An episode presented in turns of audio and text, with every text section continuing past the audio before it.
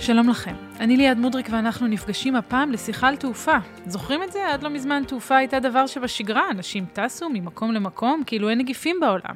לאחרונה כידוע זה קצת פחות קורה, ואנחנו רוצים לשוחח בעניין הזה עם רמי סקלדמן, ראש מנהל פיתוח ותיכון מתקדם בתעשייה האווירית. שלום לך. שלום. אז תעופה זה דבר שיחזור, אני מניחה. לחלוטין, התעופה נראית כרגע לרוב האנשים בתור משהו שהוא בסטגנציה. אנשים לא טסים אה, כרגע לחו"ל, אבל כמו כל משבר קודם, והיו משברים כאלה, 2008 בארצות הברית ובעולם, משבר אה, הנפט, משברים נוספים, כל משבר כזה בסוף עובר וחולף, והתעופה, אם מסתכלים אחורה, לכל אורך השנים, התגברה על המשברים האלה בצורה די יפה, ובכל אה, שנה כזאת יש עלייה של כחמישה אחוז אה, בתעופה, בנפח התעופה. מסתכלים על זה אפילו בצורה טיפה יותר רחוקה, כל 15 שנה, נפח התעופה מכפיל את עצמו פי שתיים. אבל אלה משברים באותו סדר גודל, כי כשאנחנו קוראים עיתונים, זה נדמה כאילו חברות תעופה עשויות או עלולות ממש לפשוט את הרגל, ואז יהיה קצת קשה אה, להשתקם ממין דבר כזה. בכל משבר, יש אה, חברות תעופה שנופלות אה, ולא מצליחות לעמוד על הרגליים, גם במשבר הנוכחי. אם מסתכלים על 2008, אז חברות כמו סבנה וסוויסר נעלמו מהעולם, אבל חברות אחרות הצליחו להתאושש, וגם חברות חדשות קמו. גם עכשיו יש חברות שלא מצליחות להחזיק מעמד ופושטות את הרגל, אבל לא פעם, חלקם כבר טס ומתחיל להתאושש. חלק מהחברות אפילו טסות 70% בתפוסה, 80% תפוסה, וזה הולך ומשתפר. כמובן תוך שמירה על אה, כללי הקורונה. לחלוטין. אבל נדמה לי שהרבה אנשים אומרים לעצמם, אה, כשיהיה חיסון, יהיה חיסון. אבל עכשיו, גם אם יפתחו את השמיים, איך אנחנו יכולים באמת, אה, במרחב סגור כזה של מטוס, איך אנחנו בכלל יכולים להיות בטוחים שהנגיף הזה, אם יימצא שם, לא יכה בנו? עכשיו, אני יודעת שאתה לא רופא, אבל יש תשובות מספיק טובות לזה? מתעסקים בזה, מתעסקים בזה גם בתעשייה האווירית, אבל גם במקומות נוספים, ולצורך העניין, חברות וכל שאר הגורמים שרלוונטיים, אם זה שדות התעופה, ממשלות וגורמים אחרים, כן אה, נותנים את ראשם אה, בנושא הזה, ומתעסקים עם אה, פתרונות. עכשיו, חלק מהפתרונות כרגע הם תפעוליים, לדוגמה צמצום כמות המושבים, צמצום התפוסה, אבל כמובן שזה לא רווחי מבחינת החברות, אבל למרות הכל עדיף להם להטיס את המטוסים ולא לעשות תחזוקה על הקרקע אה, לגרום לזה שהטייסים יטוסו ולא יתאמנו רק בסימולטורים, לכן זה עדיף להם, והן רואות שהאופק הוא כן יציאה בסוף מהמשבר. אבל האוויר במטוס, הוא עובר כל הזמן מחזור בתוך המטוס, זה תהליך של סירקולציה, או שהוא מגיע גם מבחוץ? האוויר במטוס אה, עובר, מסתבר, מה שנקרא, אנשים לא מודעים לזה, ברוב המטוסים, אה, למעט כמה שנדבר עליהם, עובר דרך המנועים, מגיע מבחוץ, עובר דרך המנועים, ויש בו אפילו שאריות של דלק, שאתה נושם בתוך המטוס. תשמע. אולי עדיף שלא הייתי שואלת. יכול להיות, יכול להיות, ודווקא במנועים מהדורות החדשים, ואם נסתכל נגיד על מטוס כמו 787 של בואינג, המנועים שנמצאים עליו הם כאלה שהאוויר לא עובר דרך המנועים, ומגיע ישירות מבחוץ, אבל בוודאי שיש סירקולציה פנימית מהבחינה הזאת, בוודאי. מה לגבי טיסות המטען? זה מתקיים כרגיל? אפילו היה אפילו שיפור בנושא הזה בתקופה האחרונה, דווקא בגלל הקורונה. מטענים אה, היה צורך של העברה של סחורות אה, וציוד רפואי ממקום למקום, אז אה, מבחינה הזאת אפילו הסבו מטוסים רגילים, ואפילו מטוסים בתצורת מושבים אפילו, עם מטענים בפנים. היו ממש פתרונות יצירתיים בנושא הזה. בכלל, כל התחום הזה של טיסות מטען, בלי קשר לקורונה, השתנה מאוד בנגיד שני העשורים האחרונים, נכון? לחלוטין, כי אנשים הפסיקו לשלוח דואר, וטיסות דואר כמעט לא קיימות לחלוטין. מה שקורה בזמן האחרון זה המון המון אה, שינוי אה, בצרכנים, אה, מבחינת הזמנות באינטרנט, אלי אקספרס, אמזון ודברים כ- כ- כדוגמתם. מהבחינה הזאת המון המון פצפצים ו- וחבילות קטנות מגיעות מה שנקרא במשלוחים מכל העולם. סתם אולי למי שלא מכיר, איך זה נראה בכלל? לוקחים מטוס נוסעים רגיל ומסבים אותו לטיסת מטען, או שמראש מייצרים אותו למטוס שיוכל להוביל מטען במקום נוסעים? לאורך השנים היו מעט מאוד מטוסים שמראש נולדו כמטוסי מטען. בדרך כלל המטוסים האלה, יש להם uh, פאזה שנייה בחיים, הם הופכים, אחרי שהם גמרו את החיים שלהם בתור מטוסי נוסעים, הופכים להיות מטוסי מטען. בהקשר הזה, בדרך כלל מחזקים את הרצפה, פותחים דלתות uh, רלוונטיות כדי שאפשר יהיה להעמיס uh, מטענים בצורה נכונה, מערכת של שינוע של המטענים בתוך המטוס, אבל זה בדרך כלל מה שעושים. כמה מטען יכול מטוס כזה לשאת? המון, המון, המון, המון. נורא תלוי, עוד פעם, תלוי, תלוי איזה סוג מטוס, אבל המון. אנחנו מדברים על uh, טונות רבות. ואני שומעת מצד אחד את uh, פעמוני הקדמה, אבל מצד שני את זעקות uh, כל ארגוני uh, איכות הסביבה. כל הדברים האלה לא מאוד מזהמים את העולם שבו אנחנו חיים? אז אם מסתכלים על תעופה באופן כללי, לחלוטין כן. יש המון מזהמים שמטוסים פולטים. וכמובן, עוד פעם, הדלק, כל הקטע של דלק שהופך כמובן לפחמן דו-חמצני כשהוא יוצא החוצה מהמנוע. וכמובן שמסתכלים על זה, אבל הזיהום הוא לא רק זיהום של גזים, אלא גם זיהום של רעש. וכל ארגוני הסביבה, וכמובן גם חברות התעופה, וגם כל מי שמתעסק בפיתוח של מטוסים חדשים, מסתכל על זה בצורה אחרת, ויש היום מגמות ברורות, מובלות בעיקר על ידי ארגונים בתוך אירופה, של מעבר למטוסים שהם הרבה הרבה יותר נוחים לסביבה, ידידותיים לסביבה. אז גם כל מה שקשור לצריכה של דלק, בואו פשוט תצרכו פחות דלק, לדוגמה על ידי שימוש בסוגי הנאה או סוגי דלקים אחרים. הנעה חשמלית לדוגמה, מעבר להנעה חשמלית. גם כל הנושא של, של הזיהום עצמו, של איזה גזים אנחנו פולטים. לצורך העניין, אל תצרוך דלק ואל, ואל תזהם פשוט בגזים שיוצאים מהמנועים. וכמובן הרעש, אם המנועים שלך יותר שקטים, אתה יכול כמובן לטוס למרכזי הערים, וזו עוד נקודה שהיא מאוד מאוד חשובה. לחזור חזרה למרכזי הערים. ככה התחילו כשטסו בשנות ה-30 וה-40, ולאט לאט יצאו כשהערים גדלו. והמטוסים הפכו להיות גדולים, דורשים גם מסלולים ארוכים, והיום יש איזו מגמה של חזרה. אבל כמה זה אמיתי? זאת אומרת, כמה זה ישים? עד כמה אנחנו באמת עומדים בפני עידן שבו מטוסים יצרכו פחות דלק, ואולי ישתמשו ממש באנרגיות חליפיות, או דברים מהסגנון הזה, או שבינתיים זה יותר הצהרת כוונות מאשר מציאות בפועל? זה הרבה הרבה יותר מהצהרת כוונות, כי ממש משקיעים כספים, ומפתחים את הטכנולוגיות, מבגרים אותן, אם זה בצורה של... אבות טיפוס אה, או מדגימים שמוכיחים את הטכנולוגיות האלה, בהתחלה בזעיר אנפין, כלומר מטוסים קטנים עם מנועים קטנים, אבל כן עוברים אה, להנאה חשמלית, כן עוברים להנאות אה, אה, מסוג אחר, אה, מימן ודברים אחרים שהם לא צורכים אה, דלק רגיל ולא מזהמים אה, בגזים אה, שאנחנו מכירים אותם. ממש רוצים להוריד את הורדת הזיהום ב-75%, זה יעד אמיתי, לשם עוד לא הגיעו, אבל זה הכיוון, לרדת ל-75% בזיהום של, של אותם גזים, אותם גזי פליטה. שזה באמת נשמע כמו יעד אה, משמעותי. איך אפשר לעשות את זה מעבר לפתרונות שהזכרת? יש דרך למשל להפחית את המשקל של המטוס? אני מניחה שזה יעזור. זה לחלוטין עוד כיוון, כי בסוף, עוד פעם, אתה יכול לנסות אה, לכוון על ידי זה שאתה אה, עובר להנאה הרבה יותר אה, אה, ידידותית, אבל גם המשקל כאן הוא קריטי. בואו ניקח לדוגמה את הנושא של חלונות, חלונות במטוסי נוסעים. הם נמצאים שם אה, באופן אה, מסורתי כבר אה, עשרות שנים. בפועל לא ממש משתמשים בהם. הרי אתה יכול להסתכל אה, אה, מהחלון, לא כולם יושבים במה, בשורה של החלון, בכיסא של החלון, ולצורך העניין הם משקל, פנלטי אמיתי על כל מטוס ומטוס, כי כל חור כזה, כל מקום שיש בו חלון, הוא ממש אה, משקל. יש מסביב חיזוקים שמחזקים את המבנה, מחזקים את ה skin, את המעטה של המטוס. המשקל הזה טס בכל טיסה וטיסה, ותספרי כמה חלונות יש במטוס כזה, המון משקל קבור במטוס לאורך כל חיי המטוס. אבל מה, מטוסים בלי חלונות? זה נשמע קצת קלסטרופובי. לחלוטין, לחלוטין אני יכול להבין את זה, כן. אבל בואו נחשוב על זה. רוב זמן הטיסה, אנשים לא מסתכלים בחלון, אנשים יודעים שהחלון נמצא שם, לא מעבר לזה. אני אחזור אולי שנייה רגע אחורה בהיסטוריה, אה, כשהתחילו לטוס מטוסי נוסעים, אה, זה קרה ב-1919. לקחו מטוסים ממלחמת העולם הראשונה, מפציצים והפכו אותם, הסבו אותם למטוסי נוסעים. את הטייסים החליטו להשאיר בקוקפיט פתוח.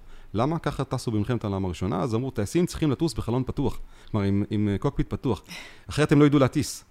איכשהו, מה שנקרא, הבינו שזה תקלה. בנושא של חלונות של נוסעים, זה עדיין התקלה הזאת נשארה, ואנשים פשוט הורגלו לזה, אבל אין שום סיבה. שום סיבה וזה יעבור. יותר מזה, הטכנולוגיה מדברת על חלונות וירטואליים. תוכלי לטוס אפילו במטוס לא כשיש בו חלונות אה, מדומים, עם מציאות מדומה, אלא עם אה, גג אה, שקוף לחלוטין, רצפה שקופה, תוכלי להקרין סרטים או להקרין את הנוף האמיתי שנמצא למטה. אז מהבחינה הזאת אין, אין שום בעיה. אני לא בטוחה אם זה מרגש או מלחיץ, אני מתקשה... מתקשה להחליט. אני בטוח שיהיו אנשים שילחצו בהתחלה, כאילו זה כמו ללכת על גשר שקוף, אבל מצד שני, יש כאן המון המון, המון המון פוטנציאל קדימה. הדורות של החבר'ה, של הדורות הצעירים, יתגברו על זה בקלות, זה בטוח. מה עוד אפשר להוציא מהמטוס? את הטייסים. את הטייסים? לחלוטין. אוקיי. יש המון, המון אה, שיקולים של פסיכולוגיה בתעופה. Mm-hmm. גם החלונות, זה, בסוף זה אספקט פסיכולוגי, זה לא אספקט אה, טכני. אה, ויש בהם, עוד פעם, כמו שאמרתי, משלמים על זה. גם כרטיס הטיסה שלנו בסוף מתבטא מה שנקרא גם בחלונות. אותו דבר טייסים. טייסים כבר היום, מטוסים יודעים לטוס, יש מל"טים, יש... אה, גם במטוסים אה, אזרחיים, יש את כל הקטע של טייס אוטומטי. כן. אין שום בעיה אה, לפתור את הנושא הזה. אה, ואם מסתכלים לאורך השנים גם כן, אז טייסים וצוות אוויר בכלל במטוסים, אם מסתכלים על שנות ה-30, 40, 50, היו המון אנשי צוות בקוקפיט. היה טייס וטייס משנה, כמו קברניט וטייס משנה, אלחוטן, נווט, מהנדס טייס ועוד. לאט לאט הוציאו אותם. זה נתקע בשנות ה-70 עם שלושה אנשי צוות, שני טייסים ומהנדס, מהנדס טייס. שנות ה-80 ירדו לשניים, גם כן, המעבר הזה היה מאוד מאוד קשה, כי איגודי הטייסים לא הסכימו להוריד את האדם השלישי. היום יש שני טייסים, וזה די קיבעון, תכלס, לא צריכים אותם. ורוב רוב זמן הטיסה הם אפילו גם לא מטיסים. אז מה הם עושים כל הטיסה הזאת? יושבים, קוראים, מסתכלים על הנוף. הטייס שלי קורא, או הטייסת? לחלוטין. הם קוראים כן, בזמן יש שאני... יש גם הרבה טייסות, לחלוטין. מנמנמת לה איתי במטוס? הם נמצאים אה, בסוג של alert. אבל מתי? ואני לא מזלזל, הם עושים עבודה חשובה. אבל כן. היום, רוב תאונות הטיס, אפרופו, קורות בגלל טעויות אנוש. תוציאי את הטייס מהקוקפיט, זאת אומרת, הפחתת כנראה את הסיכוי לתאונות, אבל... יש על זה נתונים או שזה... יש נתונים. אנחנו יודעים על בסוף אה, מאיפה, מה הגורמים. יש תקלות טכניות, יש תקלות אה, של הנדסת אנוש וכולי וכולי. כי אני מתארת לעצמי שגם אם רוב הזמן המטוס הוא על מצב של טיסה אוטומטית, או טייס אוטומטי, באיזשהו שלב, כשקורה איזה משהו שהאלגוריתם לא יודע לחזות או להתמודד איתו, אז בני האדם שם כן מפסיקים לקרוא, מתחילים לכוון את המטוס. אז זה לא תיאור מדויק של המצב? טייסים יכולים לעזור המון, במיוחד במצבי חירום, אבל לאו דווקא. אם מתכננים בצורה נכונה גם את המחשבים, גם הם יודעים להתמודד עם דברים כאלה. זה רק עניין של זמן. מעליות היו כלי התחבורה הראשון שהיה בו נהג, בסדר? בארצות הברית, אה, סוף המאה הקודמת וכולי וכולי. והוציאו, כשהוציאו את הנהג מהמעלית, אנשים בהתחלה נלחצו. כן. אה, כשהוציאו את הסוסים אה, ממכונית, אנשים נלחצו גם כן. זה יקרה. אבל אנחנו רואים גם במכוניות אוטומטיות, שגם זה, אוטונומיות, שגם זה משהו שהולך ומתפתח, והתחזית היא שנהגי המוניות והמשאיות לא יהיו איתנו בעוד כמה עשורים. גם שם יש חשש מאוד גדול בציבוריות, או בגזרה הציבורית. כשיש, מהדבר הזה. כשיש אה, תאונה עם אה, מכונית אוטומטית, אז שומעים עליה בכל העולם, אבל כמה תאונות דרכים קורות כל יום ברחבי העולם, כן. ואף אחד לא מדבר עליהן. יש אה, רכבות שנוסעות בשדות תעופה ונוסעות בלונדון ובמקומות אחרים ללא נהג, עושות את זה בצורה יפה, בלי שום תאונות.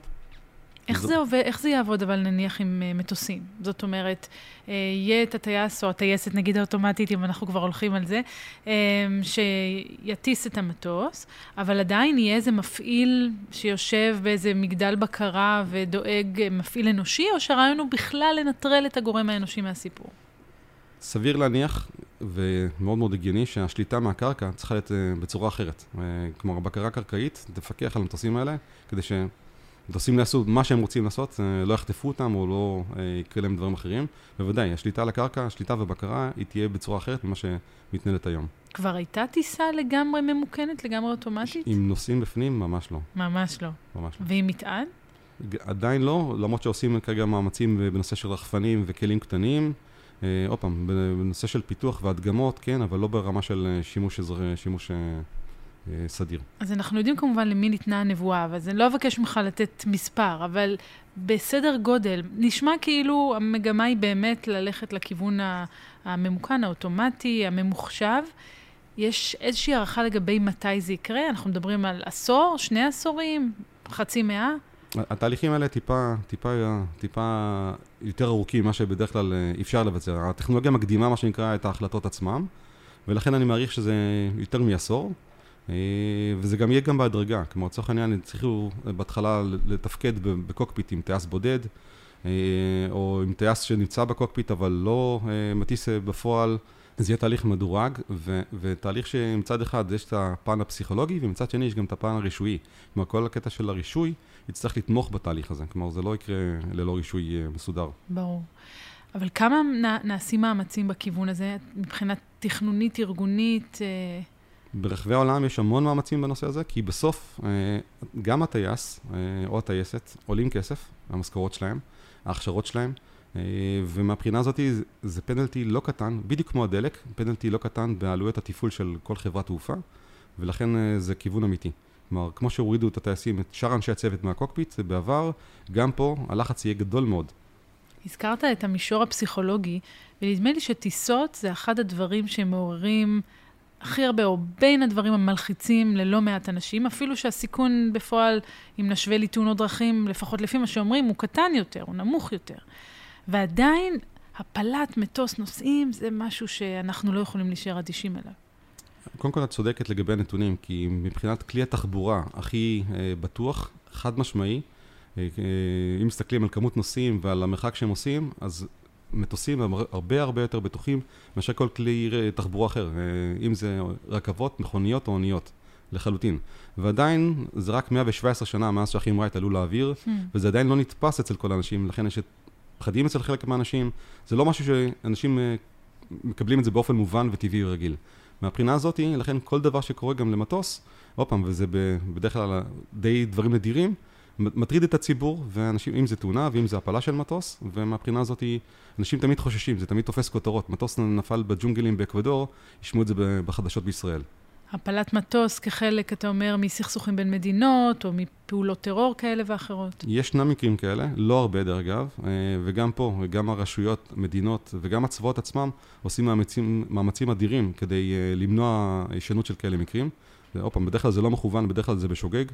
אבל זה לא שזה לא יכול לקרות, זה קרה, עובדה נכון, שזה קרה, מכירים. אבל זה די נדיר. ויותר מזה, גם uh, uh, היצרניות של המטוסים וגם המתפעלות של המטוסים חושבות גם על הכיוונים האלה.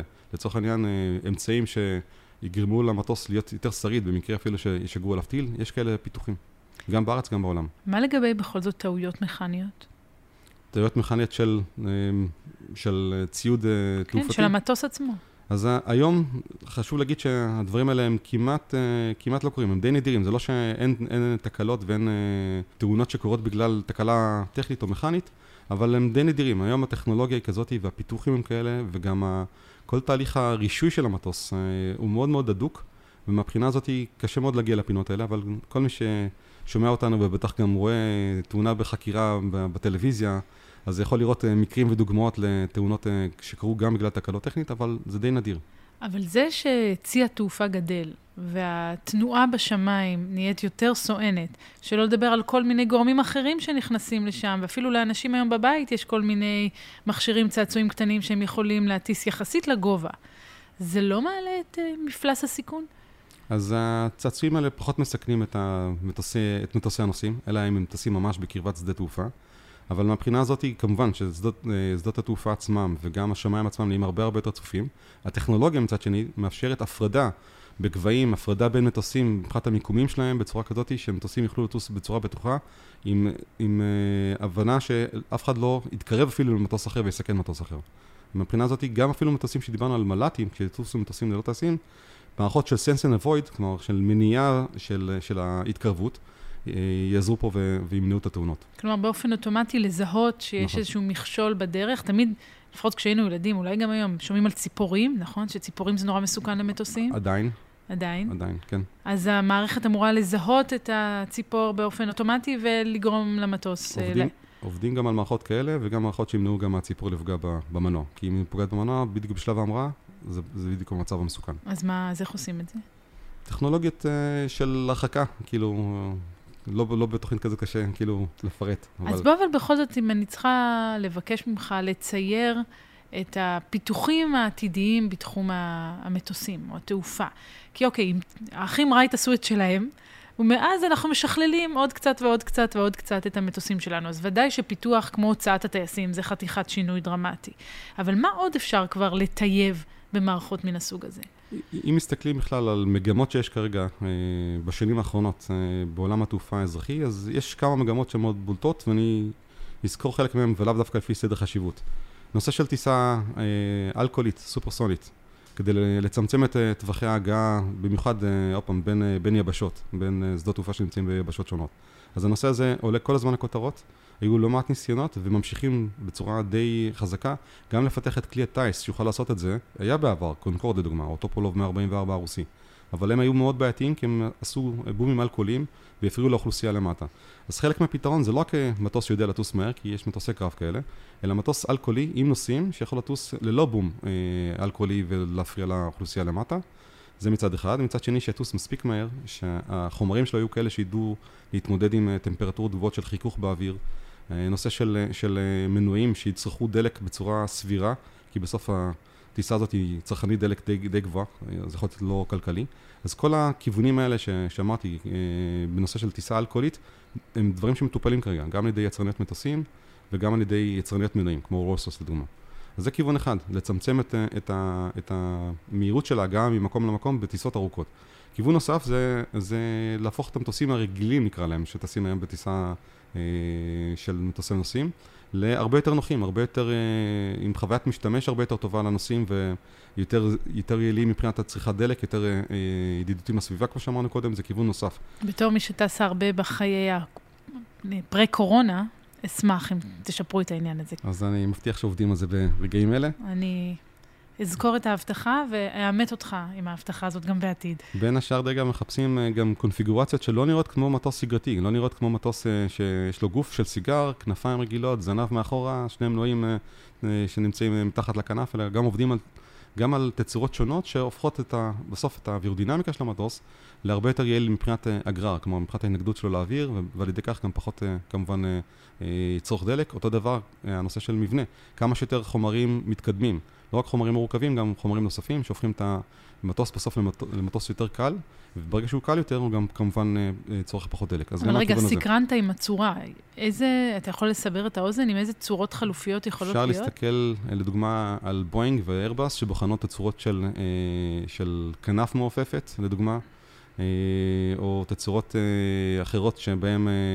הכנף אה, נתמכת עם אה, תומכות, אה, שזה נראה כמו מטוס ישן דווקא, אבל דווקא כיוון מתקדם נגיד, שנבחן על ידי היצרניות הגדולות. יש תצורות שהן תצורות שונות לחלוטין מהמקובלות. גם פה תהיה קטע, יהיה כאן קטע פסיכולוגי, גם פה אנשים יצטרכו להתרגל לתצורות חדשות, אבל עובדים על זה. דברים שהם אפילו קצת יותר בביזאר, נקרא לזה, נגיד איירבאס, לדוגמה, מדברת על אה, מטוסים שיטוסו בפורמיישנס, יטוסו מה שנקרא בלהקות. כי ברגע שהם כמו ציפורים, ברגע שאתה טס בלהקה, אתה יכול לחסוך דלק. כמובן אתה צריך פה לתאם טיסות כאלה, זה קצת יותר מסובך, אבל הנה, כיוונים שהם מדברים עליהם, חלקם מאוד מאוד רחוקים, לא כולם התגשמו דרך אגב, חלק מהדברים לא תמיד קורים. רק להדיוטות כמוני, למה טיסה בלהקה חוסכת דלק? כי uh, תמיד, uh, קודם כל אין מנהיג ללהקה, הם תמיד מתחלפים uh, בלהקות של ציפורים, אבל תמיד המוביל הלהקה באותו רגע, תמיד הוא חוסך מהגרר של אלה שבאים אחריו, מערבולות קצה כנף. Mm. ולכן תמיד היה נהוג לחשוב שיש מנהיג ללהקה, לא, אבל אם הוא יהיה מנהיג, אז הוא פשוט, מה שנקרא, יהיה תשוש כן. מהטיסה, ולכן, מהר מדי. ולכן הם מתחלפים כל הזמן. מעניין. כמה כיוונים ממש בקצרה, זה נושא של תיירות חלל. אז אנחנו uh, רואים שיש המון עבודה, ואם פעם חשבו שחלל וטיסות לחלל הן רק, רק מסוגלות uh, להיות, להתבצע על ידי נאס"א או סוכניות uh, של מדינות, אפשר לראות עבודות של אילון uh, מאסק או עבודות של וירג'ין uh, אטלנטיק, שקורות uh, לחלוטין, וגם פה בסוף uh, זה לא כדי להגיע מחוץ לאטמוספירה ולחלל, אלא גם פה אפשר לטוס מאוסטרליה לארה"ב בשעה, לצורך העניין, uh, לצאת, מחלל, לצאת לחלל ולחזור. דברים נוספים זה כל הנושא של מטענים, אבל קטנים. להזמין פיצה ולקבל את זה בעזרת רחפן. DHL או חברות אחרות ממש מתעסקות בנושא הזה של תעבורה של מטענים קטנים, ממש door to door. דברים נוספים, זה נושא של הנעה חשמלית במטוסים שכולם חשמליים. אה, וטיסות uh, נוספות, זה כל הנושא של VTOL, או אמצעי חדש, המראה ונחיתה אה, אנכיים. לצורך העניין, להמריא ולנחות מגג של בית, או מגינה, או מכל מקום אחר. אובר מדברת על זה, אה, וגם חברות אחרות מדברים על הנושא הזה של אה, זמינות אה, של תחבורה ממש למרכזי ערים ובאזורים מאוד מאוד צפופים. אז הנושא הזה של המראה ונחיתה אנכיים הם מאוד מאוד רלוונטיים גם כן, גם הרבה עובדים על הנושא הזה. אז נתת לנו הצצה לעתיד, למה שצפוי בתחום התעופה. כרגע נדמה לי שרוב האנשים עוד היו שמחים פשוט לחדש את ההווה של התעופה הקיימת, אבל אני מאמינה שגם זה יגיע בתקווה מוקדם יותר ממאוחר. תודה רבה לך על השיחה הזו. תודה לך, תודה רבה. עד כאן הפרק להיום, תודה שהאזנתם לחוג הסילון. פרקים נוספים תוכלו למצוא בספוטיפיי, באפל פודקאסט ובכל אפליקציית פודקאסטים אחרת. נתראה בפרק הבא.